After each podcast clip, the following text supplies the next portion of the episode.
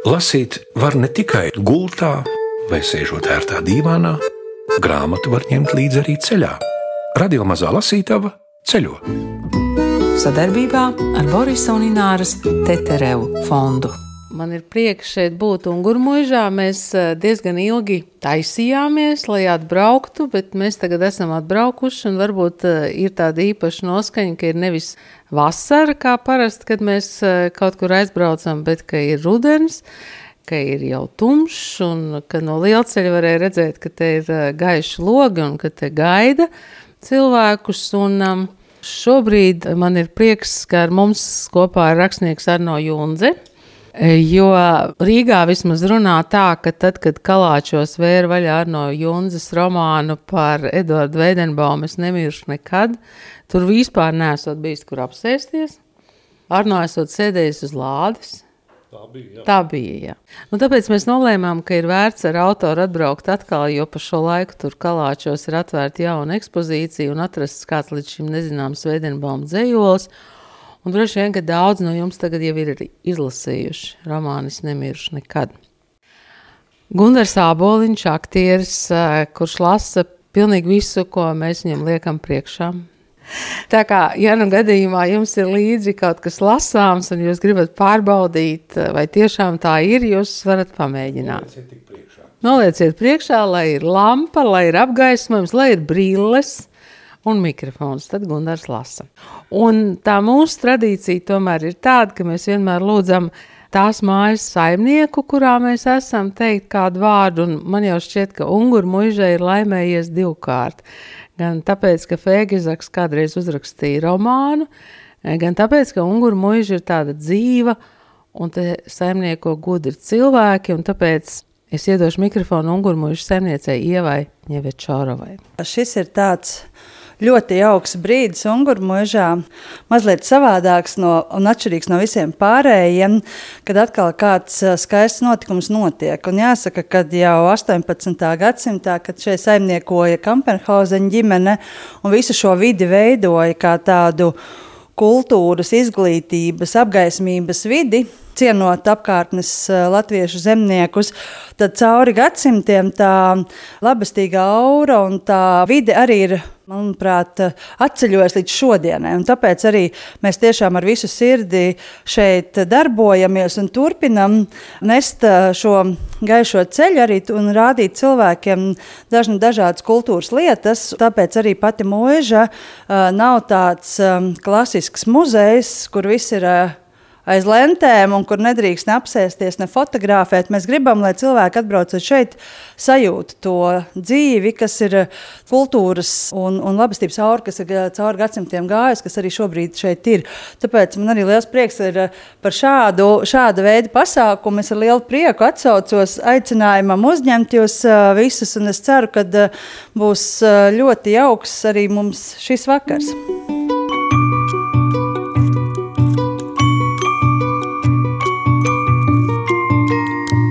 Radio Mazā Lasītava. Ungurmužā mūs sagaidīja Ieva Ņevečārova, bet jau pieminētajā Feigezaka romānā Senči un pēcteči Ungurmužai veltītas arī šādas rindas. Bērnībā Unguros es pirmo reizi biju agras vasaras dienā, un kaut arī vēlāk es tur biju dažādos gada laikos, Pirmais iespējas bija tik spēcīgs, ka manas atmiņas par unguru mūžu ar vienu saistās ar siltām vasaras naktīm un ziedošiem ceriņiem un jasmīniem. Visa mūža, vecā zemā koka māja, dārza žogi, viss iegrim baltā un zilā violetā apdullinoši smaržīgā ziedu jūrā. Un vakaros, kad mēnesnīcā vai blāvā zvaigžņu gaismā mirdzošajos krūmos atskanēja daudzbalsīga neskaitām lakstīgala pogošana, kas saplūda ar ceriņu un jasmīnu, vitamīnu smaržu, un gaišā vasaras nakts debesis kā caurspīdīgs plīvurs šūpojās caur atvērtiem logiem, vecā jumstiņu klātā māja ar tās baltajām kolonām izskatījās kā no pasaku pasaules ņemta. Mēs gan Ungurmužā esam tumšā novembra vakarā, bet labi var iztēloties, kā te būtu ceriņu un jasmīnu laikā. Šoreiz radio mazā lasītava ceļo kopā ar rakstnieku Arno Junzi un aktieri Gundaru Āboliņu, un mēs lasām romānu par Veidenbaumu Es nemiršu nekad. pirms Gunārs sāk lasīt, es jau Arno prasīju, vai viņam ļoti daudz jautā par to Veidenbaumu fotografiju. Jūs droši vien esat redzējuši šo grāmatu un esat redzējuši šo fotografiju. Un tad, kad es ieraudzīju, un Arno atnāca uz, uz, uz radio studiju, es gandrīz vai pajautāju, vai tas tiešām ir Veidenbaums. Tev noteikti jautāja arī citur to pašu, vai ne? Jā, tā ir. Un Līvija Volkova teica, tas ir Veidenbaums. Būtu ļoti labi, ja tu uzliktu šo fotografiju uz grāmatas vāka, izpildot Līvijas Volkovas lūgumu. Viņš šo fotografiju oficiāli identificēja savu laiku. Nu, Es vienkārši nevarēju atteikt viņai. Man ļoti liels prieks, ka beidzot izdevās uzlikt kaut ko citu uz vāka. Nevis to apaļu, vajadzīgo brīļaino puisi, ko mēs visi pazīstam kā Vēdenbaumu, un par kuru, godīgi sakot, šo fotografiju vēl tagad ir šaubas, vai tas ir Vēdenbaums. Viņam tā laimes saliņa bija rūjiena, un, un tas arī grāmatā ir aprakstīts, kāpēc, un viņš tur ļoti labprāt dzīvoja. Un Rūjens pusē, privātos albumos, kaut kur bērniņos, mūsdienās mētājās daži labi veci fotografiji, zem kuras ir rakstīts Vēdenbaums, kāzu, viesu vidū.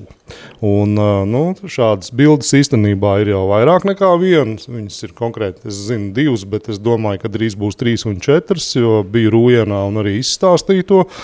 Rujienieši paši nevisai tic, ka Vēdenbaums tur ir uzdzīvojis pa, pa svešām kāzām un viesībām, bet nu, tas arī viņa vēstulē ir rakstīts uz mājām brālim Kārlim.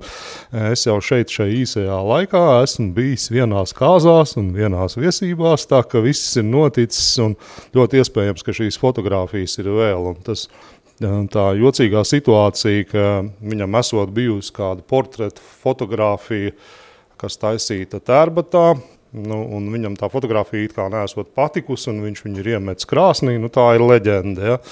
Un tad uh, vairāk fotografiju nav bijis, un tad, kad Vēdenbaums nomirst, nu, tad, ai, ai, ai, ko lai dara, tika meklēta tā grupas bilde, no tās izgriezt. Tur atkal tā fotografija, nezinu, kāpēc ir taisīta Rīgā. Nu, ļoti sarežģīts tas stāsts. Līvijai Volkovai mēs noteikti varam uzticēties, un, ja Līvija Volkova teica, tad tā noteikti arī ir. Tā forma, es esmu uh, romānu monogrāfiju sērijai, varbūt uh, literatūras zinātniekiem citādāk, bet uh, romāna autoriem ir izvēle no kādām pozīcijām rakstīt.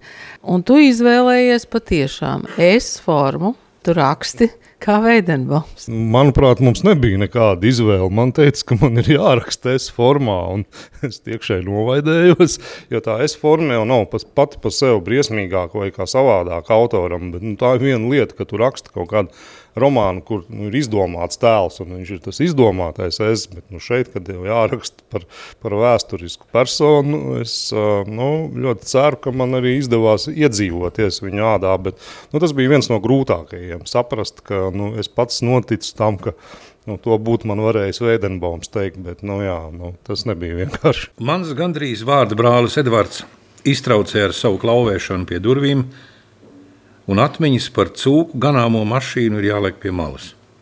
Tāpat kā nu jau vairs nevajadzīgais mopasāna sējumiņš, ar Eduardiem un Edvardiem vienmēr ir juceklis. Viņu ir tik daudz, kad vienu sauc, trīs atskatās.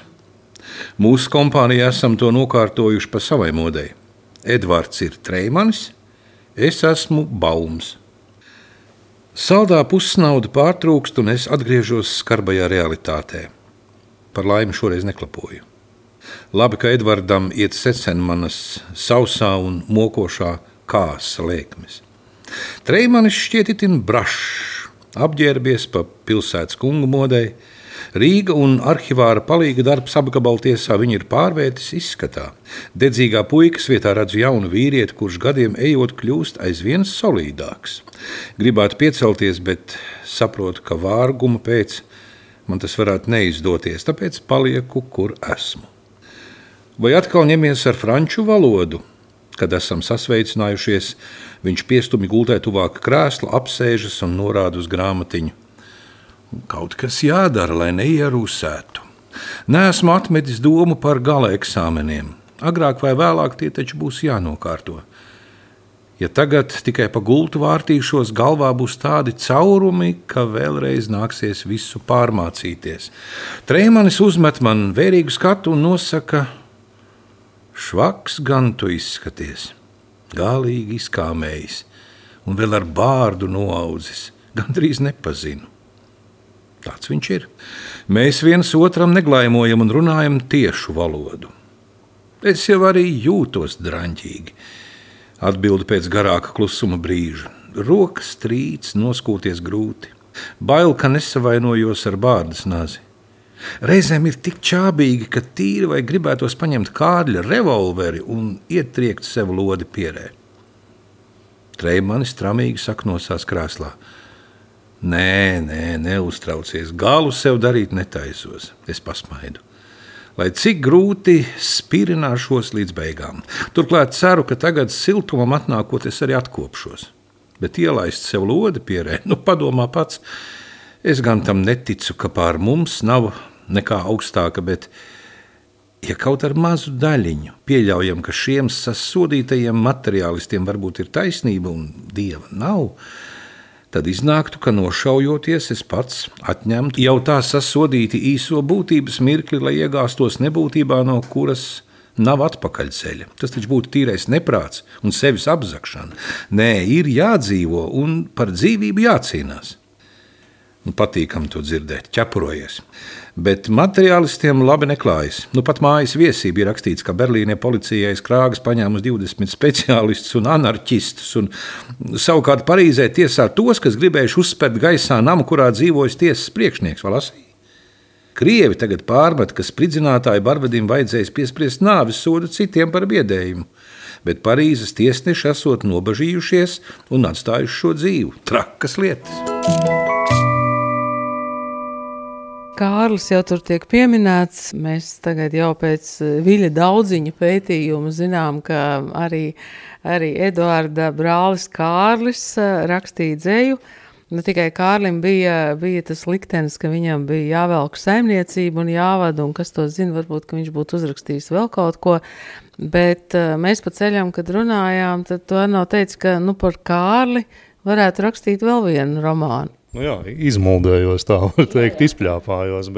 Man šķiet, būtu interesanti tas jautājums, vai tur var savākt tik daudz materiālus un tādus materiālus, kas der romānam. Jo nu, romānam tomēr ir ļoti specifiska uzbūve un, un tā rakstīšana ir tā ziņā, ka Tad, kad es sāku vākt par Eduardu, man ir literatūras zinātnieku pieredze, un es domāju, nu, kas tur ko materiālus nesavākt. Vai, nu, pirmo reizi man uh, monogrāfija uzrakstīta par Somijas literatūru. Kas, nu, kas tur ko? Nu, es esmu pieredzējis, kā vecie literatūras zinātnieki taisīja tos arhīvus kastītēs, vēl kurpju kastēs, ja tur tāds papīriņš lika iekšā, un taču nebija ne datori, nekā, tas viss bija tikai rokā, ar roku, ar galvu un kaut kādiem tādiem palīgu līdzekļiem.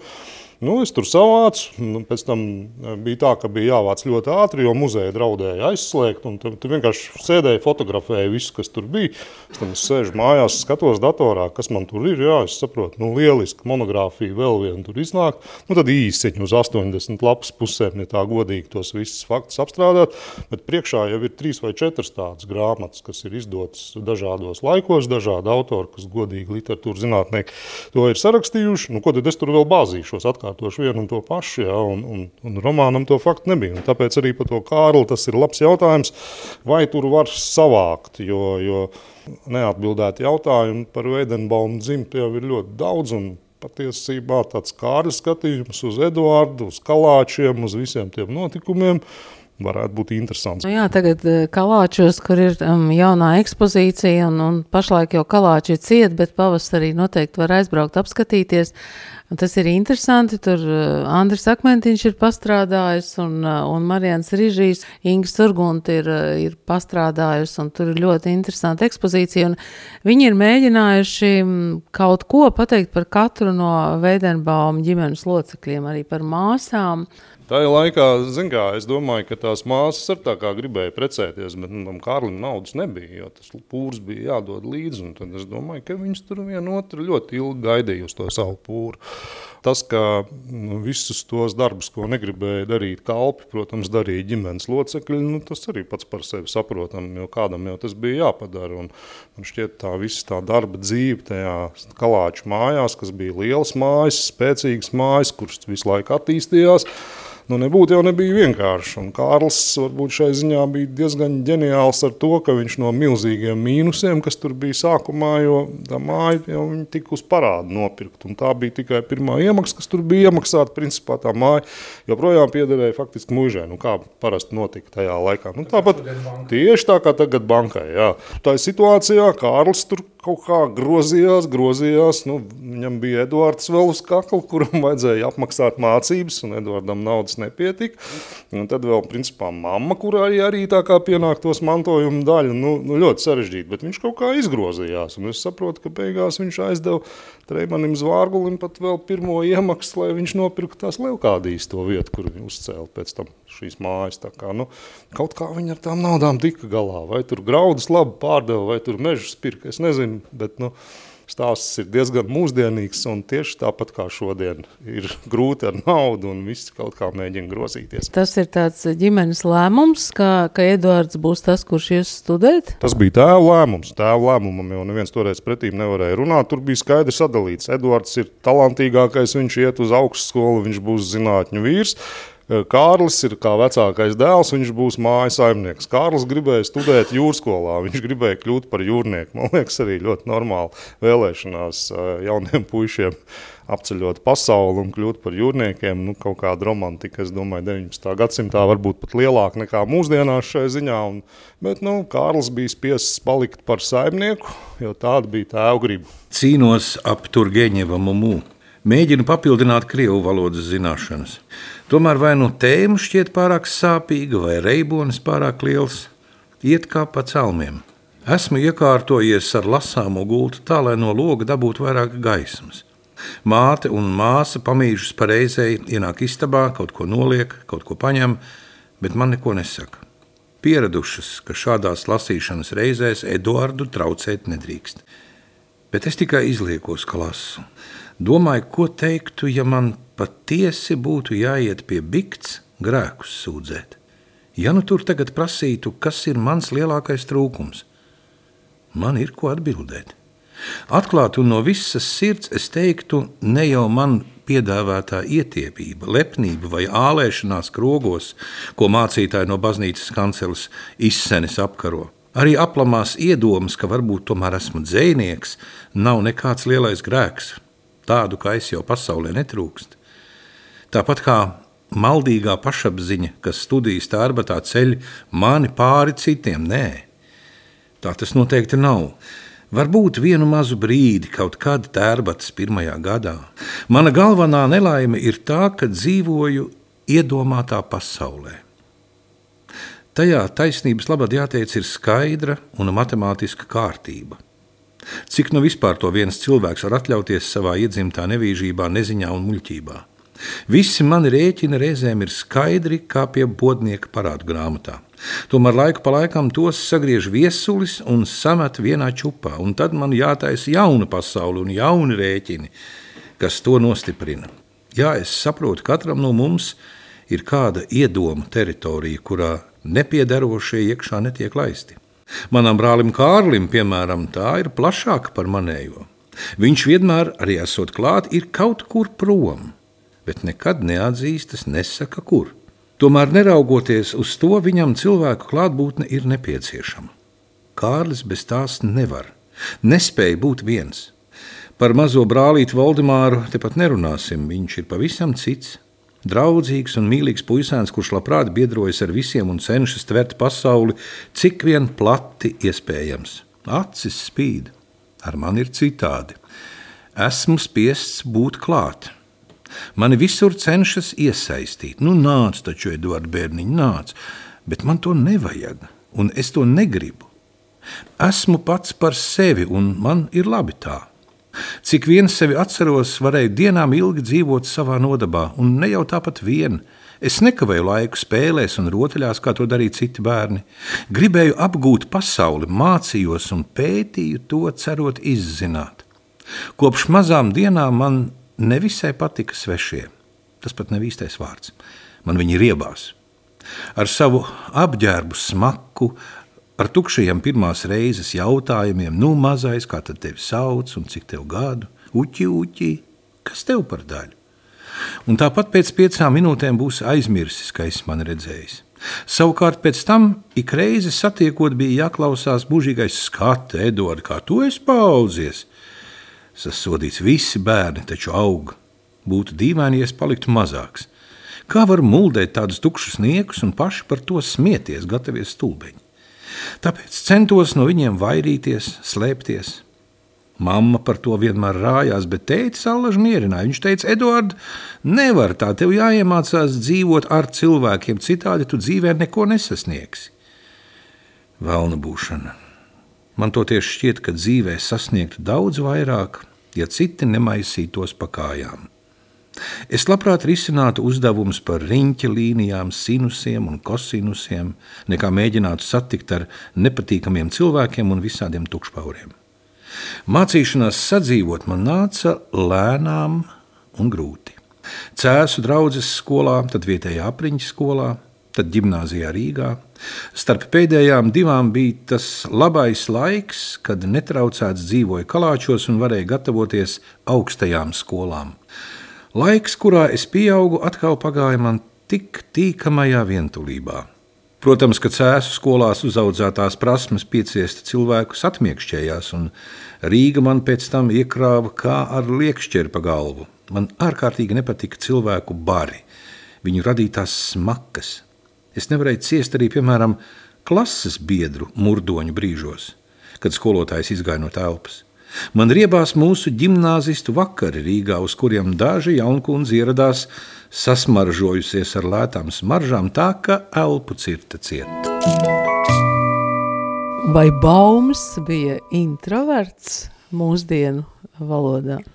Tas ir labs jautājums. Tas vēsturiskais raksturojums, ko ir atstājusi pati ģimene, ka nu, jau viņš kopš bērnības ja atnāca kāds svešinieks mājās, un svešinieki tur nāca daudz pie tēva, jo tēvs bija meistars uz visām rokām un darīja ļoti daudz darbus. Viņš bija ļoti iecienīts. Arī tāpēc, ka zināja vairākas valodas, prata rakstīt, ko viņš visu bija apguvis pašmācības ceļā. Ļoti talantīgs īstenībā cilvēks.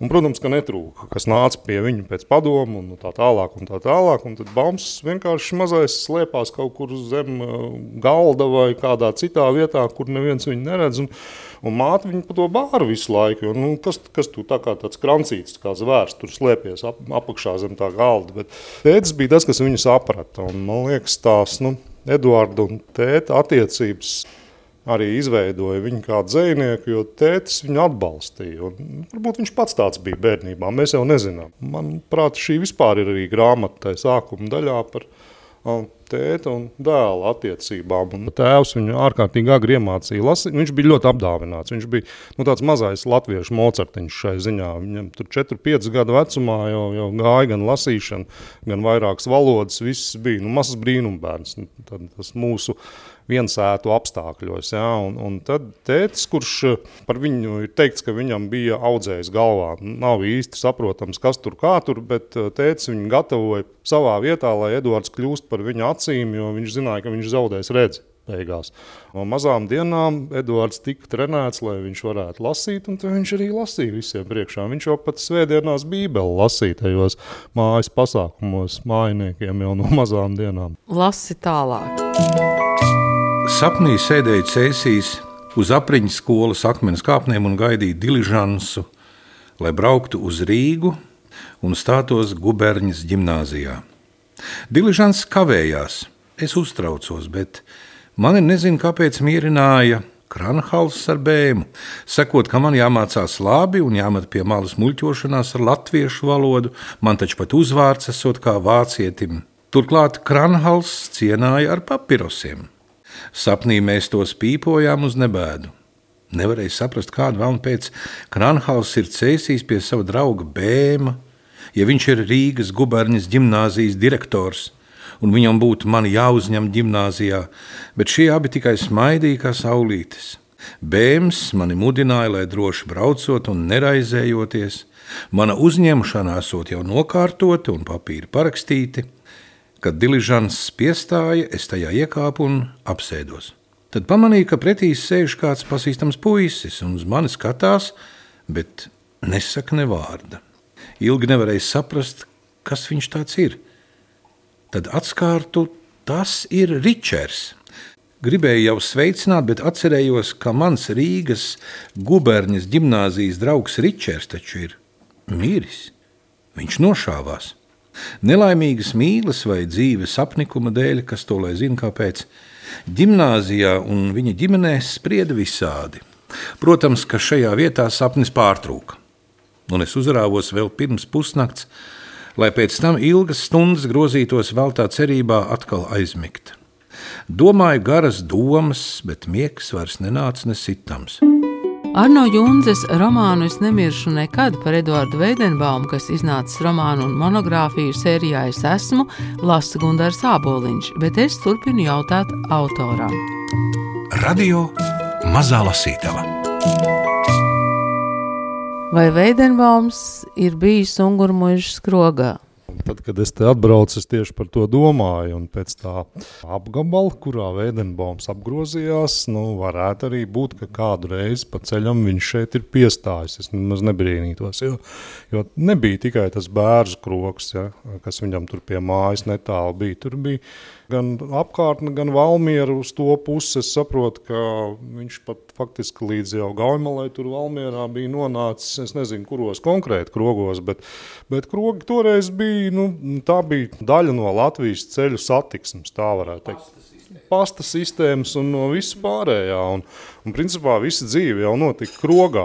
Tas, ka cilvēks aizgāja uz krogu, tas nu, nenozīmē, ka viņš obligāti uh, atnāca bezsamaņā mājās, jo bija pielējies ar dažādiem šķidrumiem. Uh, vienkārši krogs bija tāda vieta, kur slēdz visādas darījumus. Esmu uzņemts bez kādiem papildu pārbaudījumiem un studējuši tieslietas. Imatrikulācijas ceremonija ir īsa, bet sirsnīga. Rektors Pazīstamais fiziologs Hermanis Šmits saka nelielu uzrunu, izsauc jaunos studentus, spiež katram roku, arī man. Mums pasniedz grāmatiņu, kurā izskaidrota kārtība universitātē. Ļoti noderīga manta. Kad rektors nosauc manu uzvārdu, sajūta ir tāda, ka atkal gribētos bēgt, bet kā toreiz, kad apriņķa skolā man pasniedz sudraba medaļu par labām sekmēm, es tomēr savaldos un nekur neskrienu. Iekļūšanu studentu kārtā, protams, atzīmējam krogā.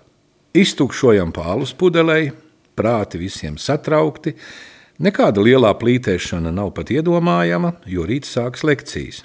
Pilsētā satieku vairākus gimnāzijas biedrus. Aprunājamies, izrādās Perlbachs un Vitsenbergs arī studēšot medicīnu. Abi jau iestājušies Letonijā un prasa, kāpēc es to nedarot. Varbūt padomāšot. Viņi gan vēl nesot saņēmuši vēstuli no Kranhalsa un teica, ka man ar to esot paveicies.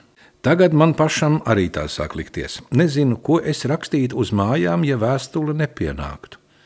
Vai es vispār vēl būtu tērbatā? Arno Junzes romānu Es nemiršu nekad izdevusi dienas grāmata. Unguru muižai paldies par viesmīlību saka Gundars Āboliņš, Agita Bērziņa, Gins Grīvāns, Andis Palējs un Ingvilda Strautmane. Lasīt var ne tikai gultā vai sēžot ērtā dīvānā, grāmatu var ņemt līdzi arī ceļā. Radio mazā lasītava ceļo. Sadarbībā ar Borisa un Ināras Teterevu fondu.